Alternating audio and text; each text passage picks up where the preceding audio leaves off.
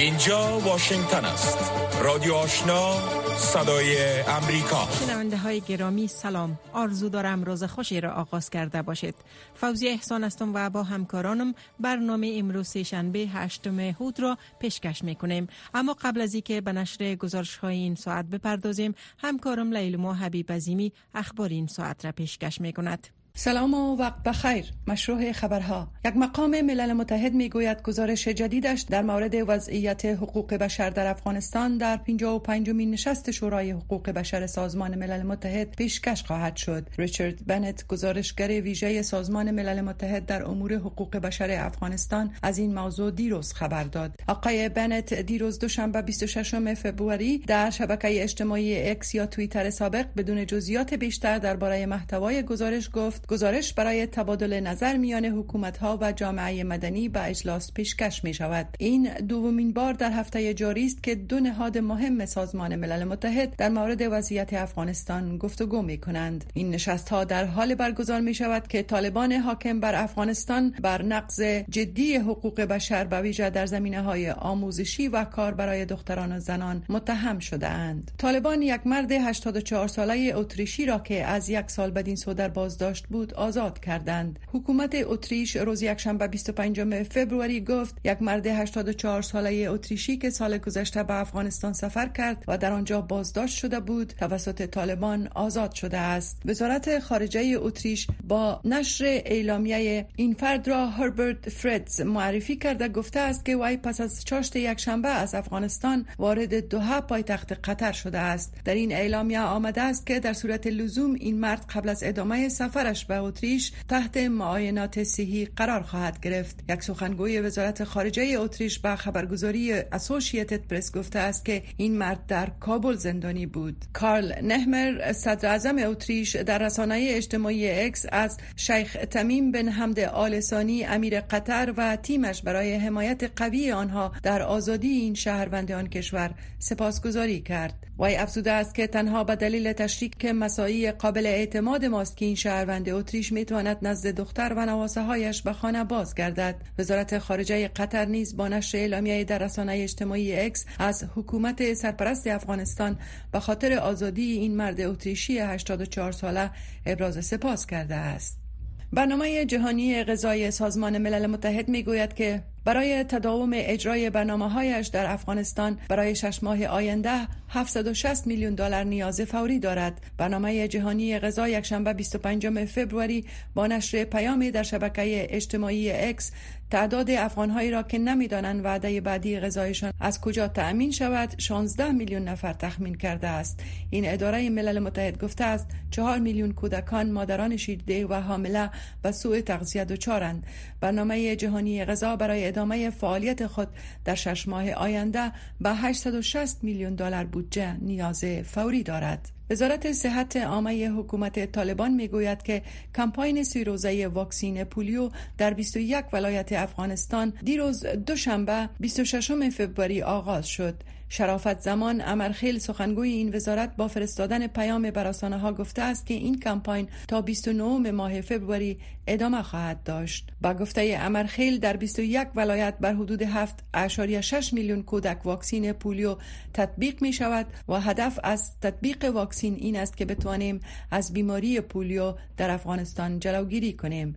و با اشاره به اینکه واقعات پولیو در افغانستان کاهش یافته است گفت ایجاد لابراتوار پولیو بیانگر تعهد این وزارت به محو پولیو از افغانستان است. الجزایر دیروز دوشنبه مسجد را که بزرگترین در قاره افریقا خوانده شده است افتتاح کرد. کار اعمار این مسجد جامع الجزایر که دارای بلندترین مناره های جهان است از سال 2010 بدین سو توسط یک شرکت چینایی ادامه داشت. این مسجد با طرح مدرن ساخته شده و ظرفیت میزبانی حدود 1200 نمازگزار را دارد. هزینه اعمار این مسجد 898 میلیون دلار ذکر شده است.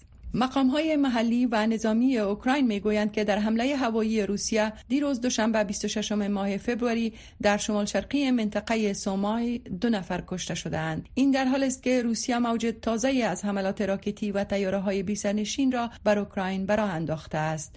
بر اساس گزارش در حمله بر روستای یوناکیف یک ساختمان مسکونی خصوصی ویران شد که در نتیجه آن پنج تن آسیب دیدند.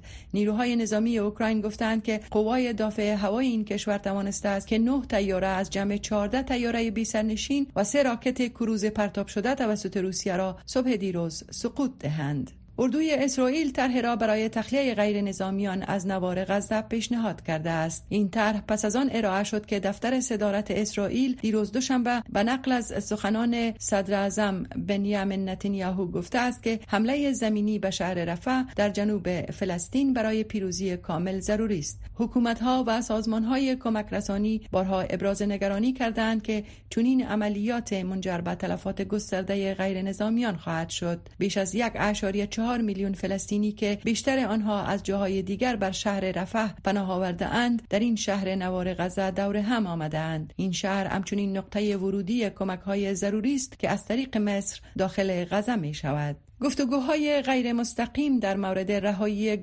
های اسرائیلی نزد گروه حماس و احتمال برقراری آتش بس در جنگ غزه تا 25 ماه فبروری نیز ادامه یافت. گروه حماس از سوی امریکا و اتحادیه اروپا سازمان تروریستی شناخته شده است. شبکه خبری القاهره به نقل از های مصری گزارش داده است که قطر، ایالات متحده و مصر در گفتگوها میانجیگری می کنند. رسانه های اسرائیل به نقل از های این کشور گزارش دادند که اگر توافق انجام شود میان 35 تا 40 گروگان در نخستین مرحله از بند گروه حماس رها خواهند شد. این هم گفته شده که اسرائیل در بدل آنها حدود 300 زندانی فلسطینی را رها خواهد کرد. تخمین می شود که حدود 100 تن به شمول کودکان زنان و بزرگسالان تا کنون در گروه گروه حماس به سر می‌برند. پیش بینی شده است که اگر توافق به دست آید آتش بس شش هفته‌ای میان حماس و اسرائیل برقرار خواهد شد. от با گزارش رسانه دولتی سوریه در انفجار ماین در یک دشت در آن کشور 14 تن به روز یکشنبه کشته و 8 تن دیگر زخمی شد. خبرگزاری سانا نوشته است که این ماین از گروه دولت اسلامی معروف به داعش به جا مانده است. پیش از این نهاد نظارت بر حقوق بشر سوریه گفته بود که در انفجار ماین 13 غیر نظامی به شمول زنان کشته شده اند. بر اساس گزارش انفجار هنگام رخ داده است که این افراد یک نوگیای طبی را جمع آوری کردند. پایان مشروع خبرهای افغانستان جهان تا این ساعت از رادیو آشنا صدای امریکا اکنون شما را به شنیدن گزارش ها و مطالبه که برای این برنامه فراهم کرده ایم دعوت می کنیم. اسرائیل گفته است برنامه حمله زمینی به شهر رفع در غزه را روی دست دارد که منظور آن ریشکن کردن جنگجویان حماس است. این در حال است که میانجیگران مصروف کار روی یک طرح جدید آتش بس برای جنگ در غزه هستند. جنگی که در پنج ماه گذشته جریان داشته است. گزارش آرش اسدآبادی خبرنگار صدای امریکا در این مورد را از من فوزی احسان مشنوید طبق گزارش خبرگزاری رویترز اردوی اسرائیل به روز یکشنبه ویدیویی را منتشر کرد که گفته می شود تسهیلات جنگجویان حماس در غزه را از بین برده است. رویترز محل ثبت ویدیو و تاریخ آن را تایید نکرده است. جنگ در غزه در حال ادامه دارد که مذاکره کنندگان اسرائیلی مصری امریکایی و قطری مصروف ریزنی در مورد توافق برای رهایی صد گروگانی که در اسارت حماس و گروه های دیگر فلسطینی می باشند. بنیامین نتانیاهو صدر اسرائیل به خبرگزاری سی بی اس گفت روشن است که توافق در زمینه رهایی گروگان های اسرائیلی و آتش بس در مذاکرات تازه قطر حاصل خواهد شد یا نه. حماس گفته است اسرائیل تقاضای اساسیش را که شامل پایان اشغال نظامی غزه می باشد رد کرده است. نتانیاهو برنامه های خود را برای بحث به کابینه ارائه کرده است تا قناعت اعضای کابینه در مورد حمله بر شهر رفح را که شامل تخلیه غیر نظامیان است حاصل کند سازمان ملل هشدار داده است که بیش از 600 هزار کودک در مسیر این حمله قرار خواهند داشت. شهر رفح در جنوب باریکی غزه در حال حاضر پناهگاه بیش از یک اشاری چهار میلیون نفر می باشد که برابر با نصف نفوس غزه است که بیشترشان در جریان چندین ماه جنگ بجا شدند. جک سولیوان مشاور امنیت ملی امریکا بر روز یک شنبه در صحبت با خبرگزاری NBC در مورد گفت ما در مورد بیش از یک میلیون نفر صحبت می کنیم که به خاطر عملیات نظامی در جاهای دیگر به مناطق کوچک در غزه رانده شدند این همچنان منطقه است که کمک های بشری به غزه به آن ارسال می شود تا از آنجا به همه غزه توضیح شود. بنابراین موقف ما واضح بوده که ما باور نداریم که عملیات یک عملیات بزرگ نظامی در رفح ادامه یابد. مگر اینکه یک برنامه واضح و قابل اجرا وجود داشته باشد که از غیر نظامیان محافظت شود. آنان به منطقه امن انتقال یابند غذا لباس و خانه برایشان فراهم شود. ازدهام بیش از حد نفوس در رفح سیستم مسیحی این شهر را که همکنون در حال فروپاشی است تحت فشار قرار داده است. در حال حاضر حداقل چهار طفل نوزاد در یک انکوبیتر نگهداری می شوند رادیو آشنا صدای امریکا منبع موثق خبرها و گزارش های جهان و افغانستان. حدود 20 رهبر اروپایی امروز برای ابراز همبستگی با اوکراین در پاریس گرده هم جمع می شوند. رئیس جمهور فرانسه گفته است که هدف از برگزاری این کنفرانس بحث پیرامون کمک به اوکراین می باشد. این گرد همایی در حالی صورت می گیرد که اردوی اوکراین امروز از یک عقب نشینی دیگر در یکی از مناطق شرقی آن کشور خبر داد. یک روز قبل قصر سفید بار دیگر از قانونگذاران امریکایی خواست تا بسته کمک اوکراین را که با بنبست در کانگرس روبرو شده است تصویب کند. سعید عزیزالرحمن جزیات بیشتر این گزارش را پیشکش می کند این ایستگاه ریل در منطقه دونتسک اوکراین روز یکشنبه پس از آن در آتش می سوخت که بر اساس گزارش ها توسط یک بم رهبری شده روسی هدف قرار گرفت. در عین حال این تصاویر نشر شده نشان می دهد که یک قماندان نظامی روسیه در شهر افدفکا گشت و گذار می کند. این شهر به تاریخ 17 فبروری از کنترل اوکراین بیرون شد. وزیر دفاع اوکراین می گوید با وجود آنکه اراده اوکراینی ها قوی است ولی ادامه مقاومت نیازمند تسلیحات می باشد. در محاسبات جنگ ما دشمن را محاسبه می کنیم. اقتصاد آنان در حدود دو تریلیون است. بنان اگر چیزی که وعده شده به موقع نرسد ما افراد و عراضی را از دست خواهیم داد. جک سولیوان مشاور امنیت ملی ایالات متحده در یک صحبت با تلویزیون ABC از مایک جانسون رئیس جمهوری خواه مجلس نمایندگان این کشور خواست تا بسته کمکی اوکراین را که ارزش آن به 61 میلیارد دلار می رسد برای رایدهی به مجلس ارائه کند. مایک جانسون مخالف تصویب این بسته کمکی می باشد. اگر مایک جانسون این بسته پیشنهادی را به مجلس پیشکش کند اکثریت آرای قانونگذاران هر دو حزب را کسب خواهد کرد ما شاهد چنین کار در مجلس سنا بودیم و اگر ما کمبود تسلیحاتی را تکمیل کرده بتوانیم اوکراین شجاعانه ایستادگی خواهد کرد. جک سولیوان این اظهارات را یک روز پس از آن ابراز کرد که اوکراینی ها از دومین سال روز تهاجم روسیه بر اوکراین یاد بود به عمل آوردند. صندوق وجهی ملل متحد برای کودکان یا یونسف هشدار داده است که جنگ جاری در اوکراین تأثیرات زیاد بر روان کودکان داشته است. با گفته این اداره بسیاری از کودکان با سطح بلند استراب و بیمیلی در مکاتب را تجربه می کنند. باب فرانسیس رهبر کاتولیک های جهان روز یکشنبه برای کاهش درد و رنج افراد آسیب پذیر دعا کرد. من برای آن ذره از انسانیت استعداد دارم که در جستجو برای صلح عادلانه و پایداری که بتواند شرایط را برای راه حل دیپلماتیک ایجاد کند می باشیم. در های روز یکشنبه ولادیمیر زلنسکی رئیس جمهور اوکراین که در مورد احتمال برگزاری دو نشست صلح صحبت می کرد روزنه از امید دیده می شد امیدوارم که نشست اول در فصل بهار برگزار شود. ما نمی توانیم که حرکت دیپلماتیک را از دست بدهیم. این نشست در سوئیس برگزار خواهد شد. نشست دوم ما می خواهیم که در یکی از کشورهای دیگر در قاره اروپا برگزار شود.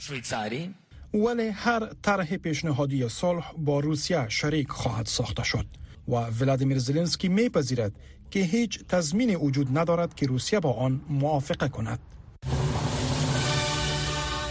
رادیو آشنا صدای امریکا.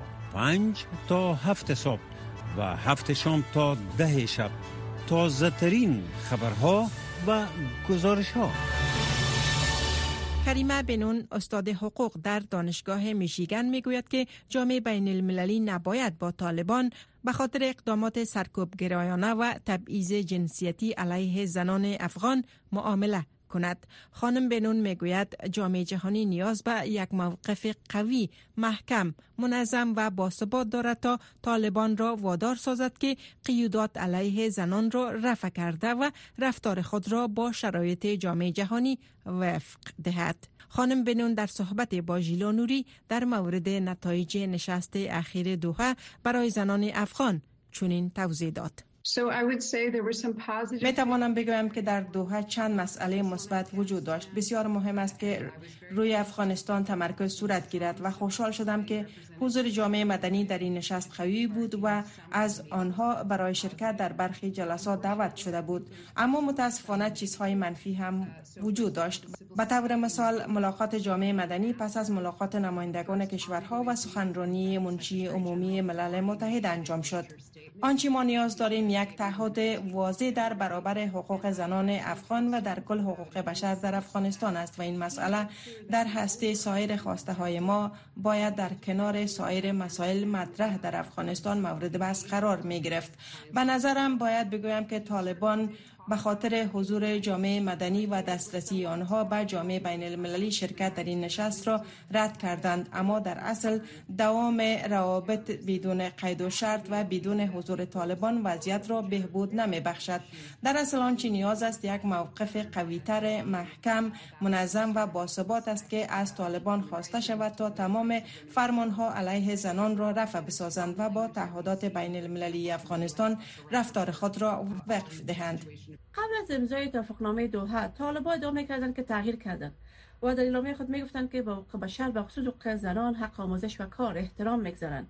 شما برگشت طالبان را بررسی قدرت و تاثیر منفی از بر زندگی زنان افغان چطور ارزیابی می‌کنید؟ تاثیر برگشت طالبان بر عرصه قدرت برای زنان افغان مصیبت بار بوده است. آنچه طالبان انجام دادند در اصل حقوق زنان و در کل حقوق بشر به شمول حقوق مدنی فرهنگی اقتصادی سیاسی و حقوق اجتماعی آنها را برخلاف معیارهای بین المللی به نحو گرفتند یا در برابر آن تبعیض قائل شدند آنچه زنان و دختران افغان وضعیت خود را توصیف می کنند نه تنها تبعیض است بلکه تخطی از حقوق بشر است و نوع اپارتاید جنسیتی است به این معنا که سیستم حکومتداری به اساس فشار بر زنان جداسازی زنان از زندگی سیاسی شکل گرفته و زنان به خاطر جنسیت خود مورد تبعیض قرار می گیرند.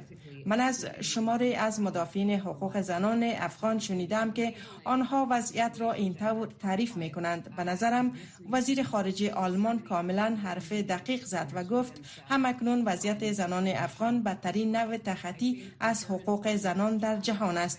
آنچه ما نیاز داریم پاسخ معصر و باثبات جامعه بین المللی در برابر این وضعیت است. بسیار نگران کننده است که رقم خودکشی در بین زنان افغان افزایش یافته است.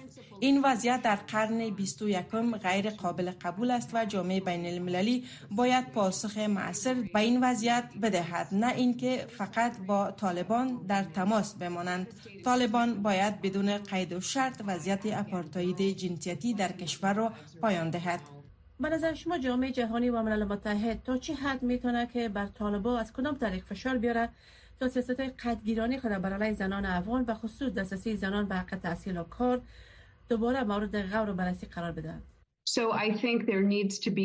به نظرم نباید با طالبان در تماس باشیم زیرا این کار نشان می دهد که ما تخلفات گسترده این گروه را تحمل می کنیم اما اگر این تماس ها وجود داشته باشد باید بسیار جدی باشد و به نحوی برای تامین حقوق بشر در افغانستان معصر باشد و نباید به همچو حکومتی که به تخطی های وسیع خود ادامه می دهد مذاکره شود.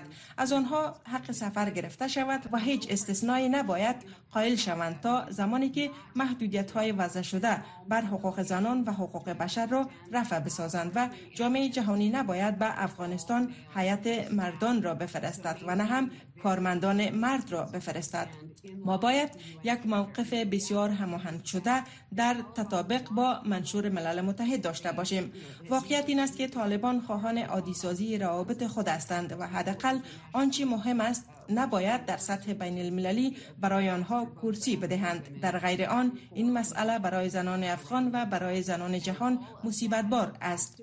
آنها نباید از هیچ امتیازی برخوردار شوند تا زمانی که به حقوق بشر ارج بگذارند و باید واضح ساخته شود که بسیار ساده نیست که با طالبان در مذاکره بوده و آنها به سادگی محدودیت ها را رفع می سازند آنها از نظر ایدئولوژی متحد هستند و آنچه بارها مدافعین حقوق بشر میشنویم. آنها از نظر ایدئولوژی بر رفتار تبعیض آمیز علیه زنان متحد هستند. به این معنا که ما نمی توانیم از طالبان بخواهیم که رفتار شایسته داشته باشند و فقط با این گفته مسائل حل خواهد شد. آنها باید درک نمایند که در قرن 21 جامعه بین المللی برای کسانی که مرتکب اپارتاید جنسیتی می شوند معامله نمی کند در عوض از قربانیان اپارتاید جنسیتی حمایت می کند این کار از طریق فراهم ساختن زمینه دسترسی به امداد بشری بدون تبعیض برای زنان است. برای طالبان نباید کرسی ملل متحد واگذار شود. به خاطر که حکومت آنها با تخطی از منشور ملل متحد زنان را مورد تبعیض قرار می دهند رادیو آشنا صدای امریکا هفت روز هفته. خبر و گزارش ها و تحلیل های خبری روز حمیده امان که در حال حاضر در فرانسه به سر برده و رادیو بیگم را در افغانستان رهبری می کند به تازگی بیگم اکادمی را ایجاد کرده که برای دختران افغان نصاب تعلیمی افغانستان را از راه دور آموزش می دهد. این خانم می گوید که زنان افغانستان در حال حاضر امیدی به آینده ندارند. در این مورد جلال میرزاد گزارشی دارد که با هم مشنویم. سلام سلام خانمی که دو نهاد را رهبری می کند. رادیو بیگم در افغانستان و رادیو اکادمی را به گونه آنلاین از فرانسه برای بانوان دانش آموز در افغانستان می‌گوید که سقوط کابل یا به قدرت رسیدن دوباره طالبان در کار او چندان تغییر نیاورده است تغییر نظام بسیار بسیار تغییرات آورد در خود کشور ما و بسیار مردم مردم ما برآمدن از وطن این بسیار مرا بسیار جگرخون می سازد مگه من خودم امی چانس دارم که پس دوباره میرم رفت آمد می‌کنم در افغانستان امیانم در می شرایطم به خاطر که درست از دفتر آواز استاد کرد فعالیت های خودم مگم رادیو بیگم دارم اونجا. اونجا یک مسیسی دیگه هم است به نام بیگم ارگانیزیشن فار وومن کنام کارای از طریق رادیو بیگم پیش میره. حمیده امان بیشتر عمرش را در کشورهای خارج به ویژه فرانسه سپری کرده است. پس از سال 2001 میلادی دوباره به افغانستان رفت و production آواز را ایجاد کرد که تا سقوط کابل به دست طالبان فعالیت داشت. از این همه کارهای او تنها رادیو بیگم به نشرات خود تا اکنون ادامه داده است. اما با محدودیت های تازه. نشرات خبری و موسیقی را از برنامه های رادیویی حذف کرده و بیشتر برنامه های دینی را به نشرات رادیو افزوده است. و کل برنامه ما برنامه چی است که به درد خانما می‌خورم ما هیچ کار سیاسی نمی کنیم از سیاست خود دور گرفتیم به خاطر که اقوالیت خانما نیسته در این شرایط در این اوضاع. حتی خبرای خبرم نشر نمی کنیم به خاطر که ما چی به خاطر که از جنجال از مشکلات دور باشیم. رادیو بیگم در حال حاضر زیر حاکمیت طالبان در 20 ولایت افغانستان نشرات دارد. خانم امان می‌گوید محدودیتی که بالای رسانه های دیگر وضع شده بالای رسانه او نیز عملی است.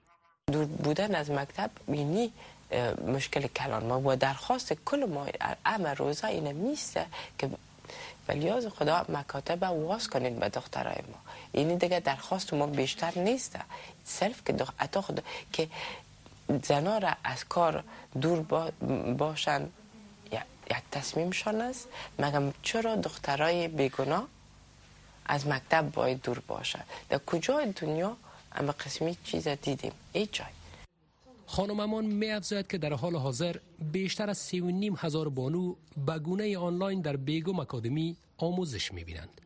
این اکادمی نصاب دوران جمهوریت را با افزایش برنامه های دینی به دختران آموزش می دهد. این در حال است که کارشناسان گفتند با توجه به محدودیت بودن دسترسی به اینترنت و وسایل اینترنتی در افغانستان به دلیل وضعیت اقتصادی مردم آموزش آنلاین نمی‌تواند جاگزین آموزش حضوری دختران در مکتب ها شود.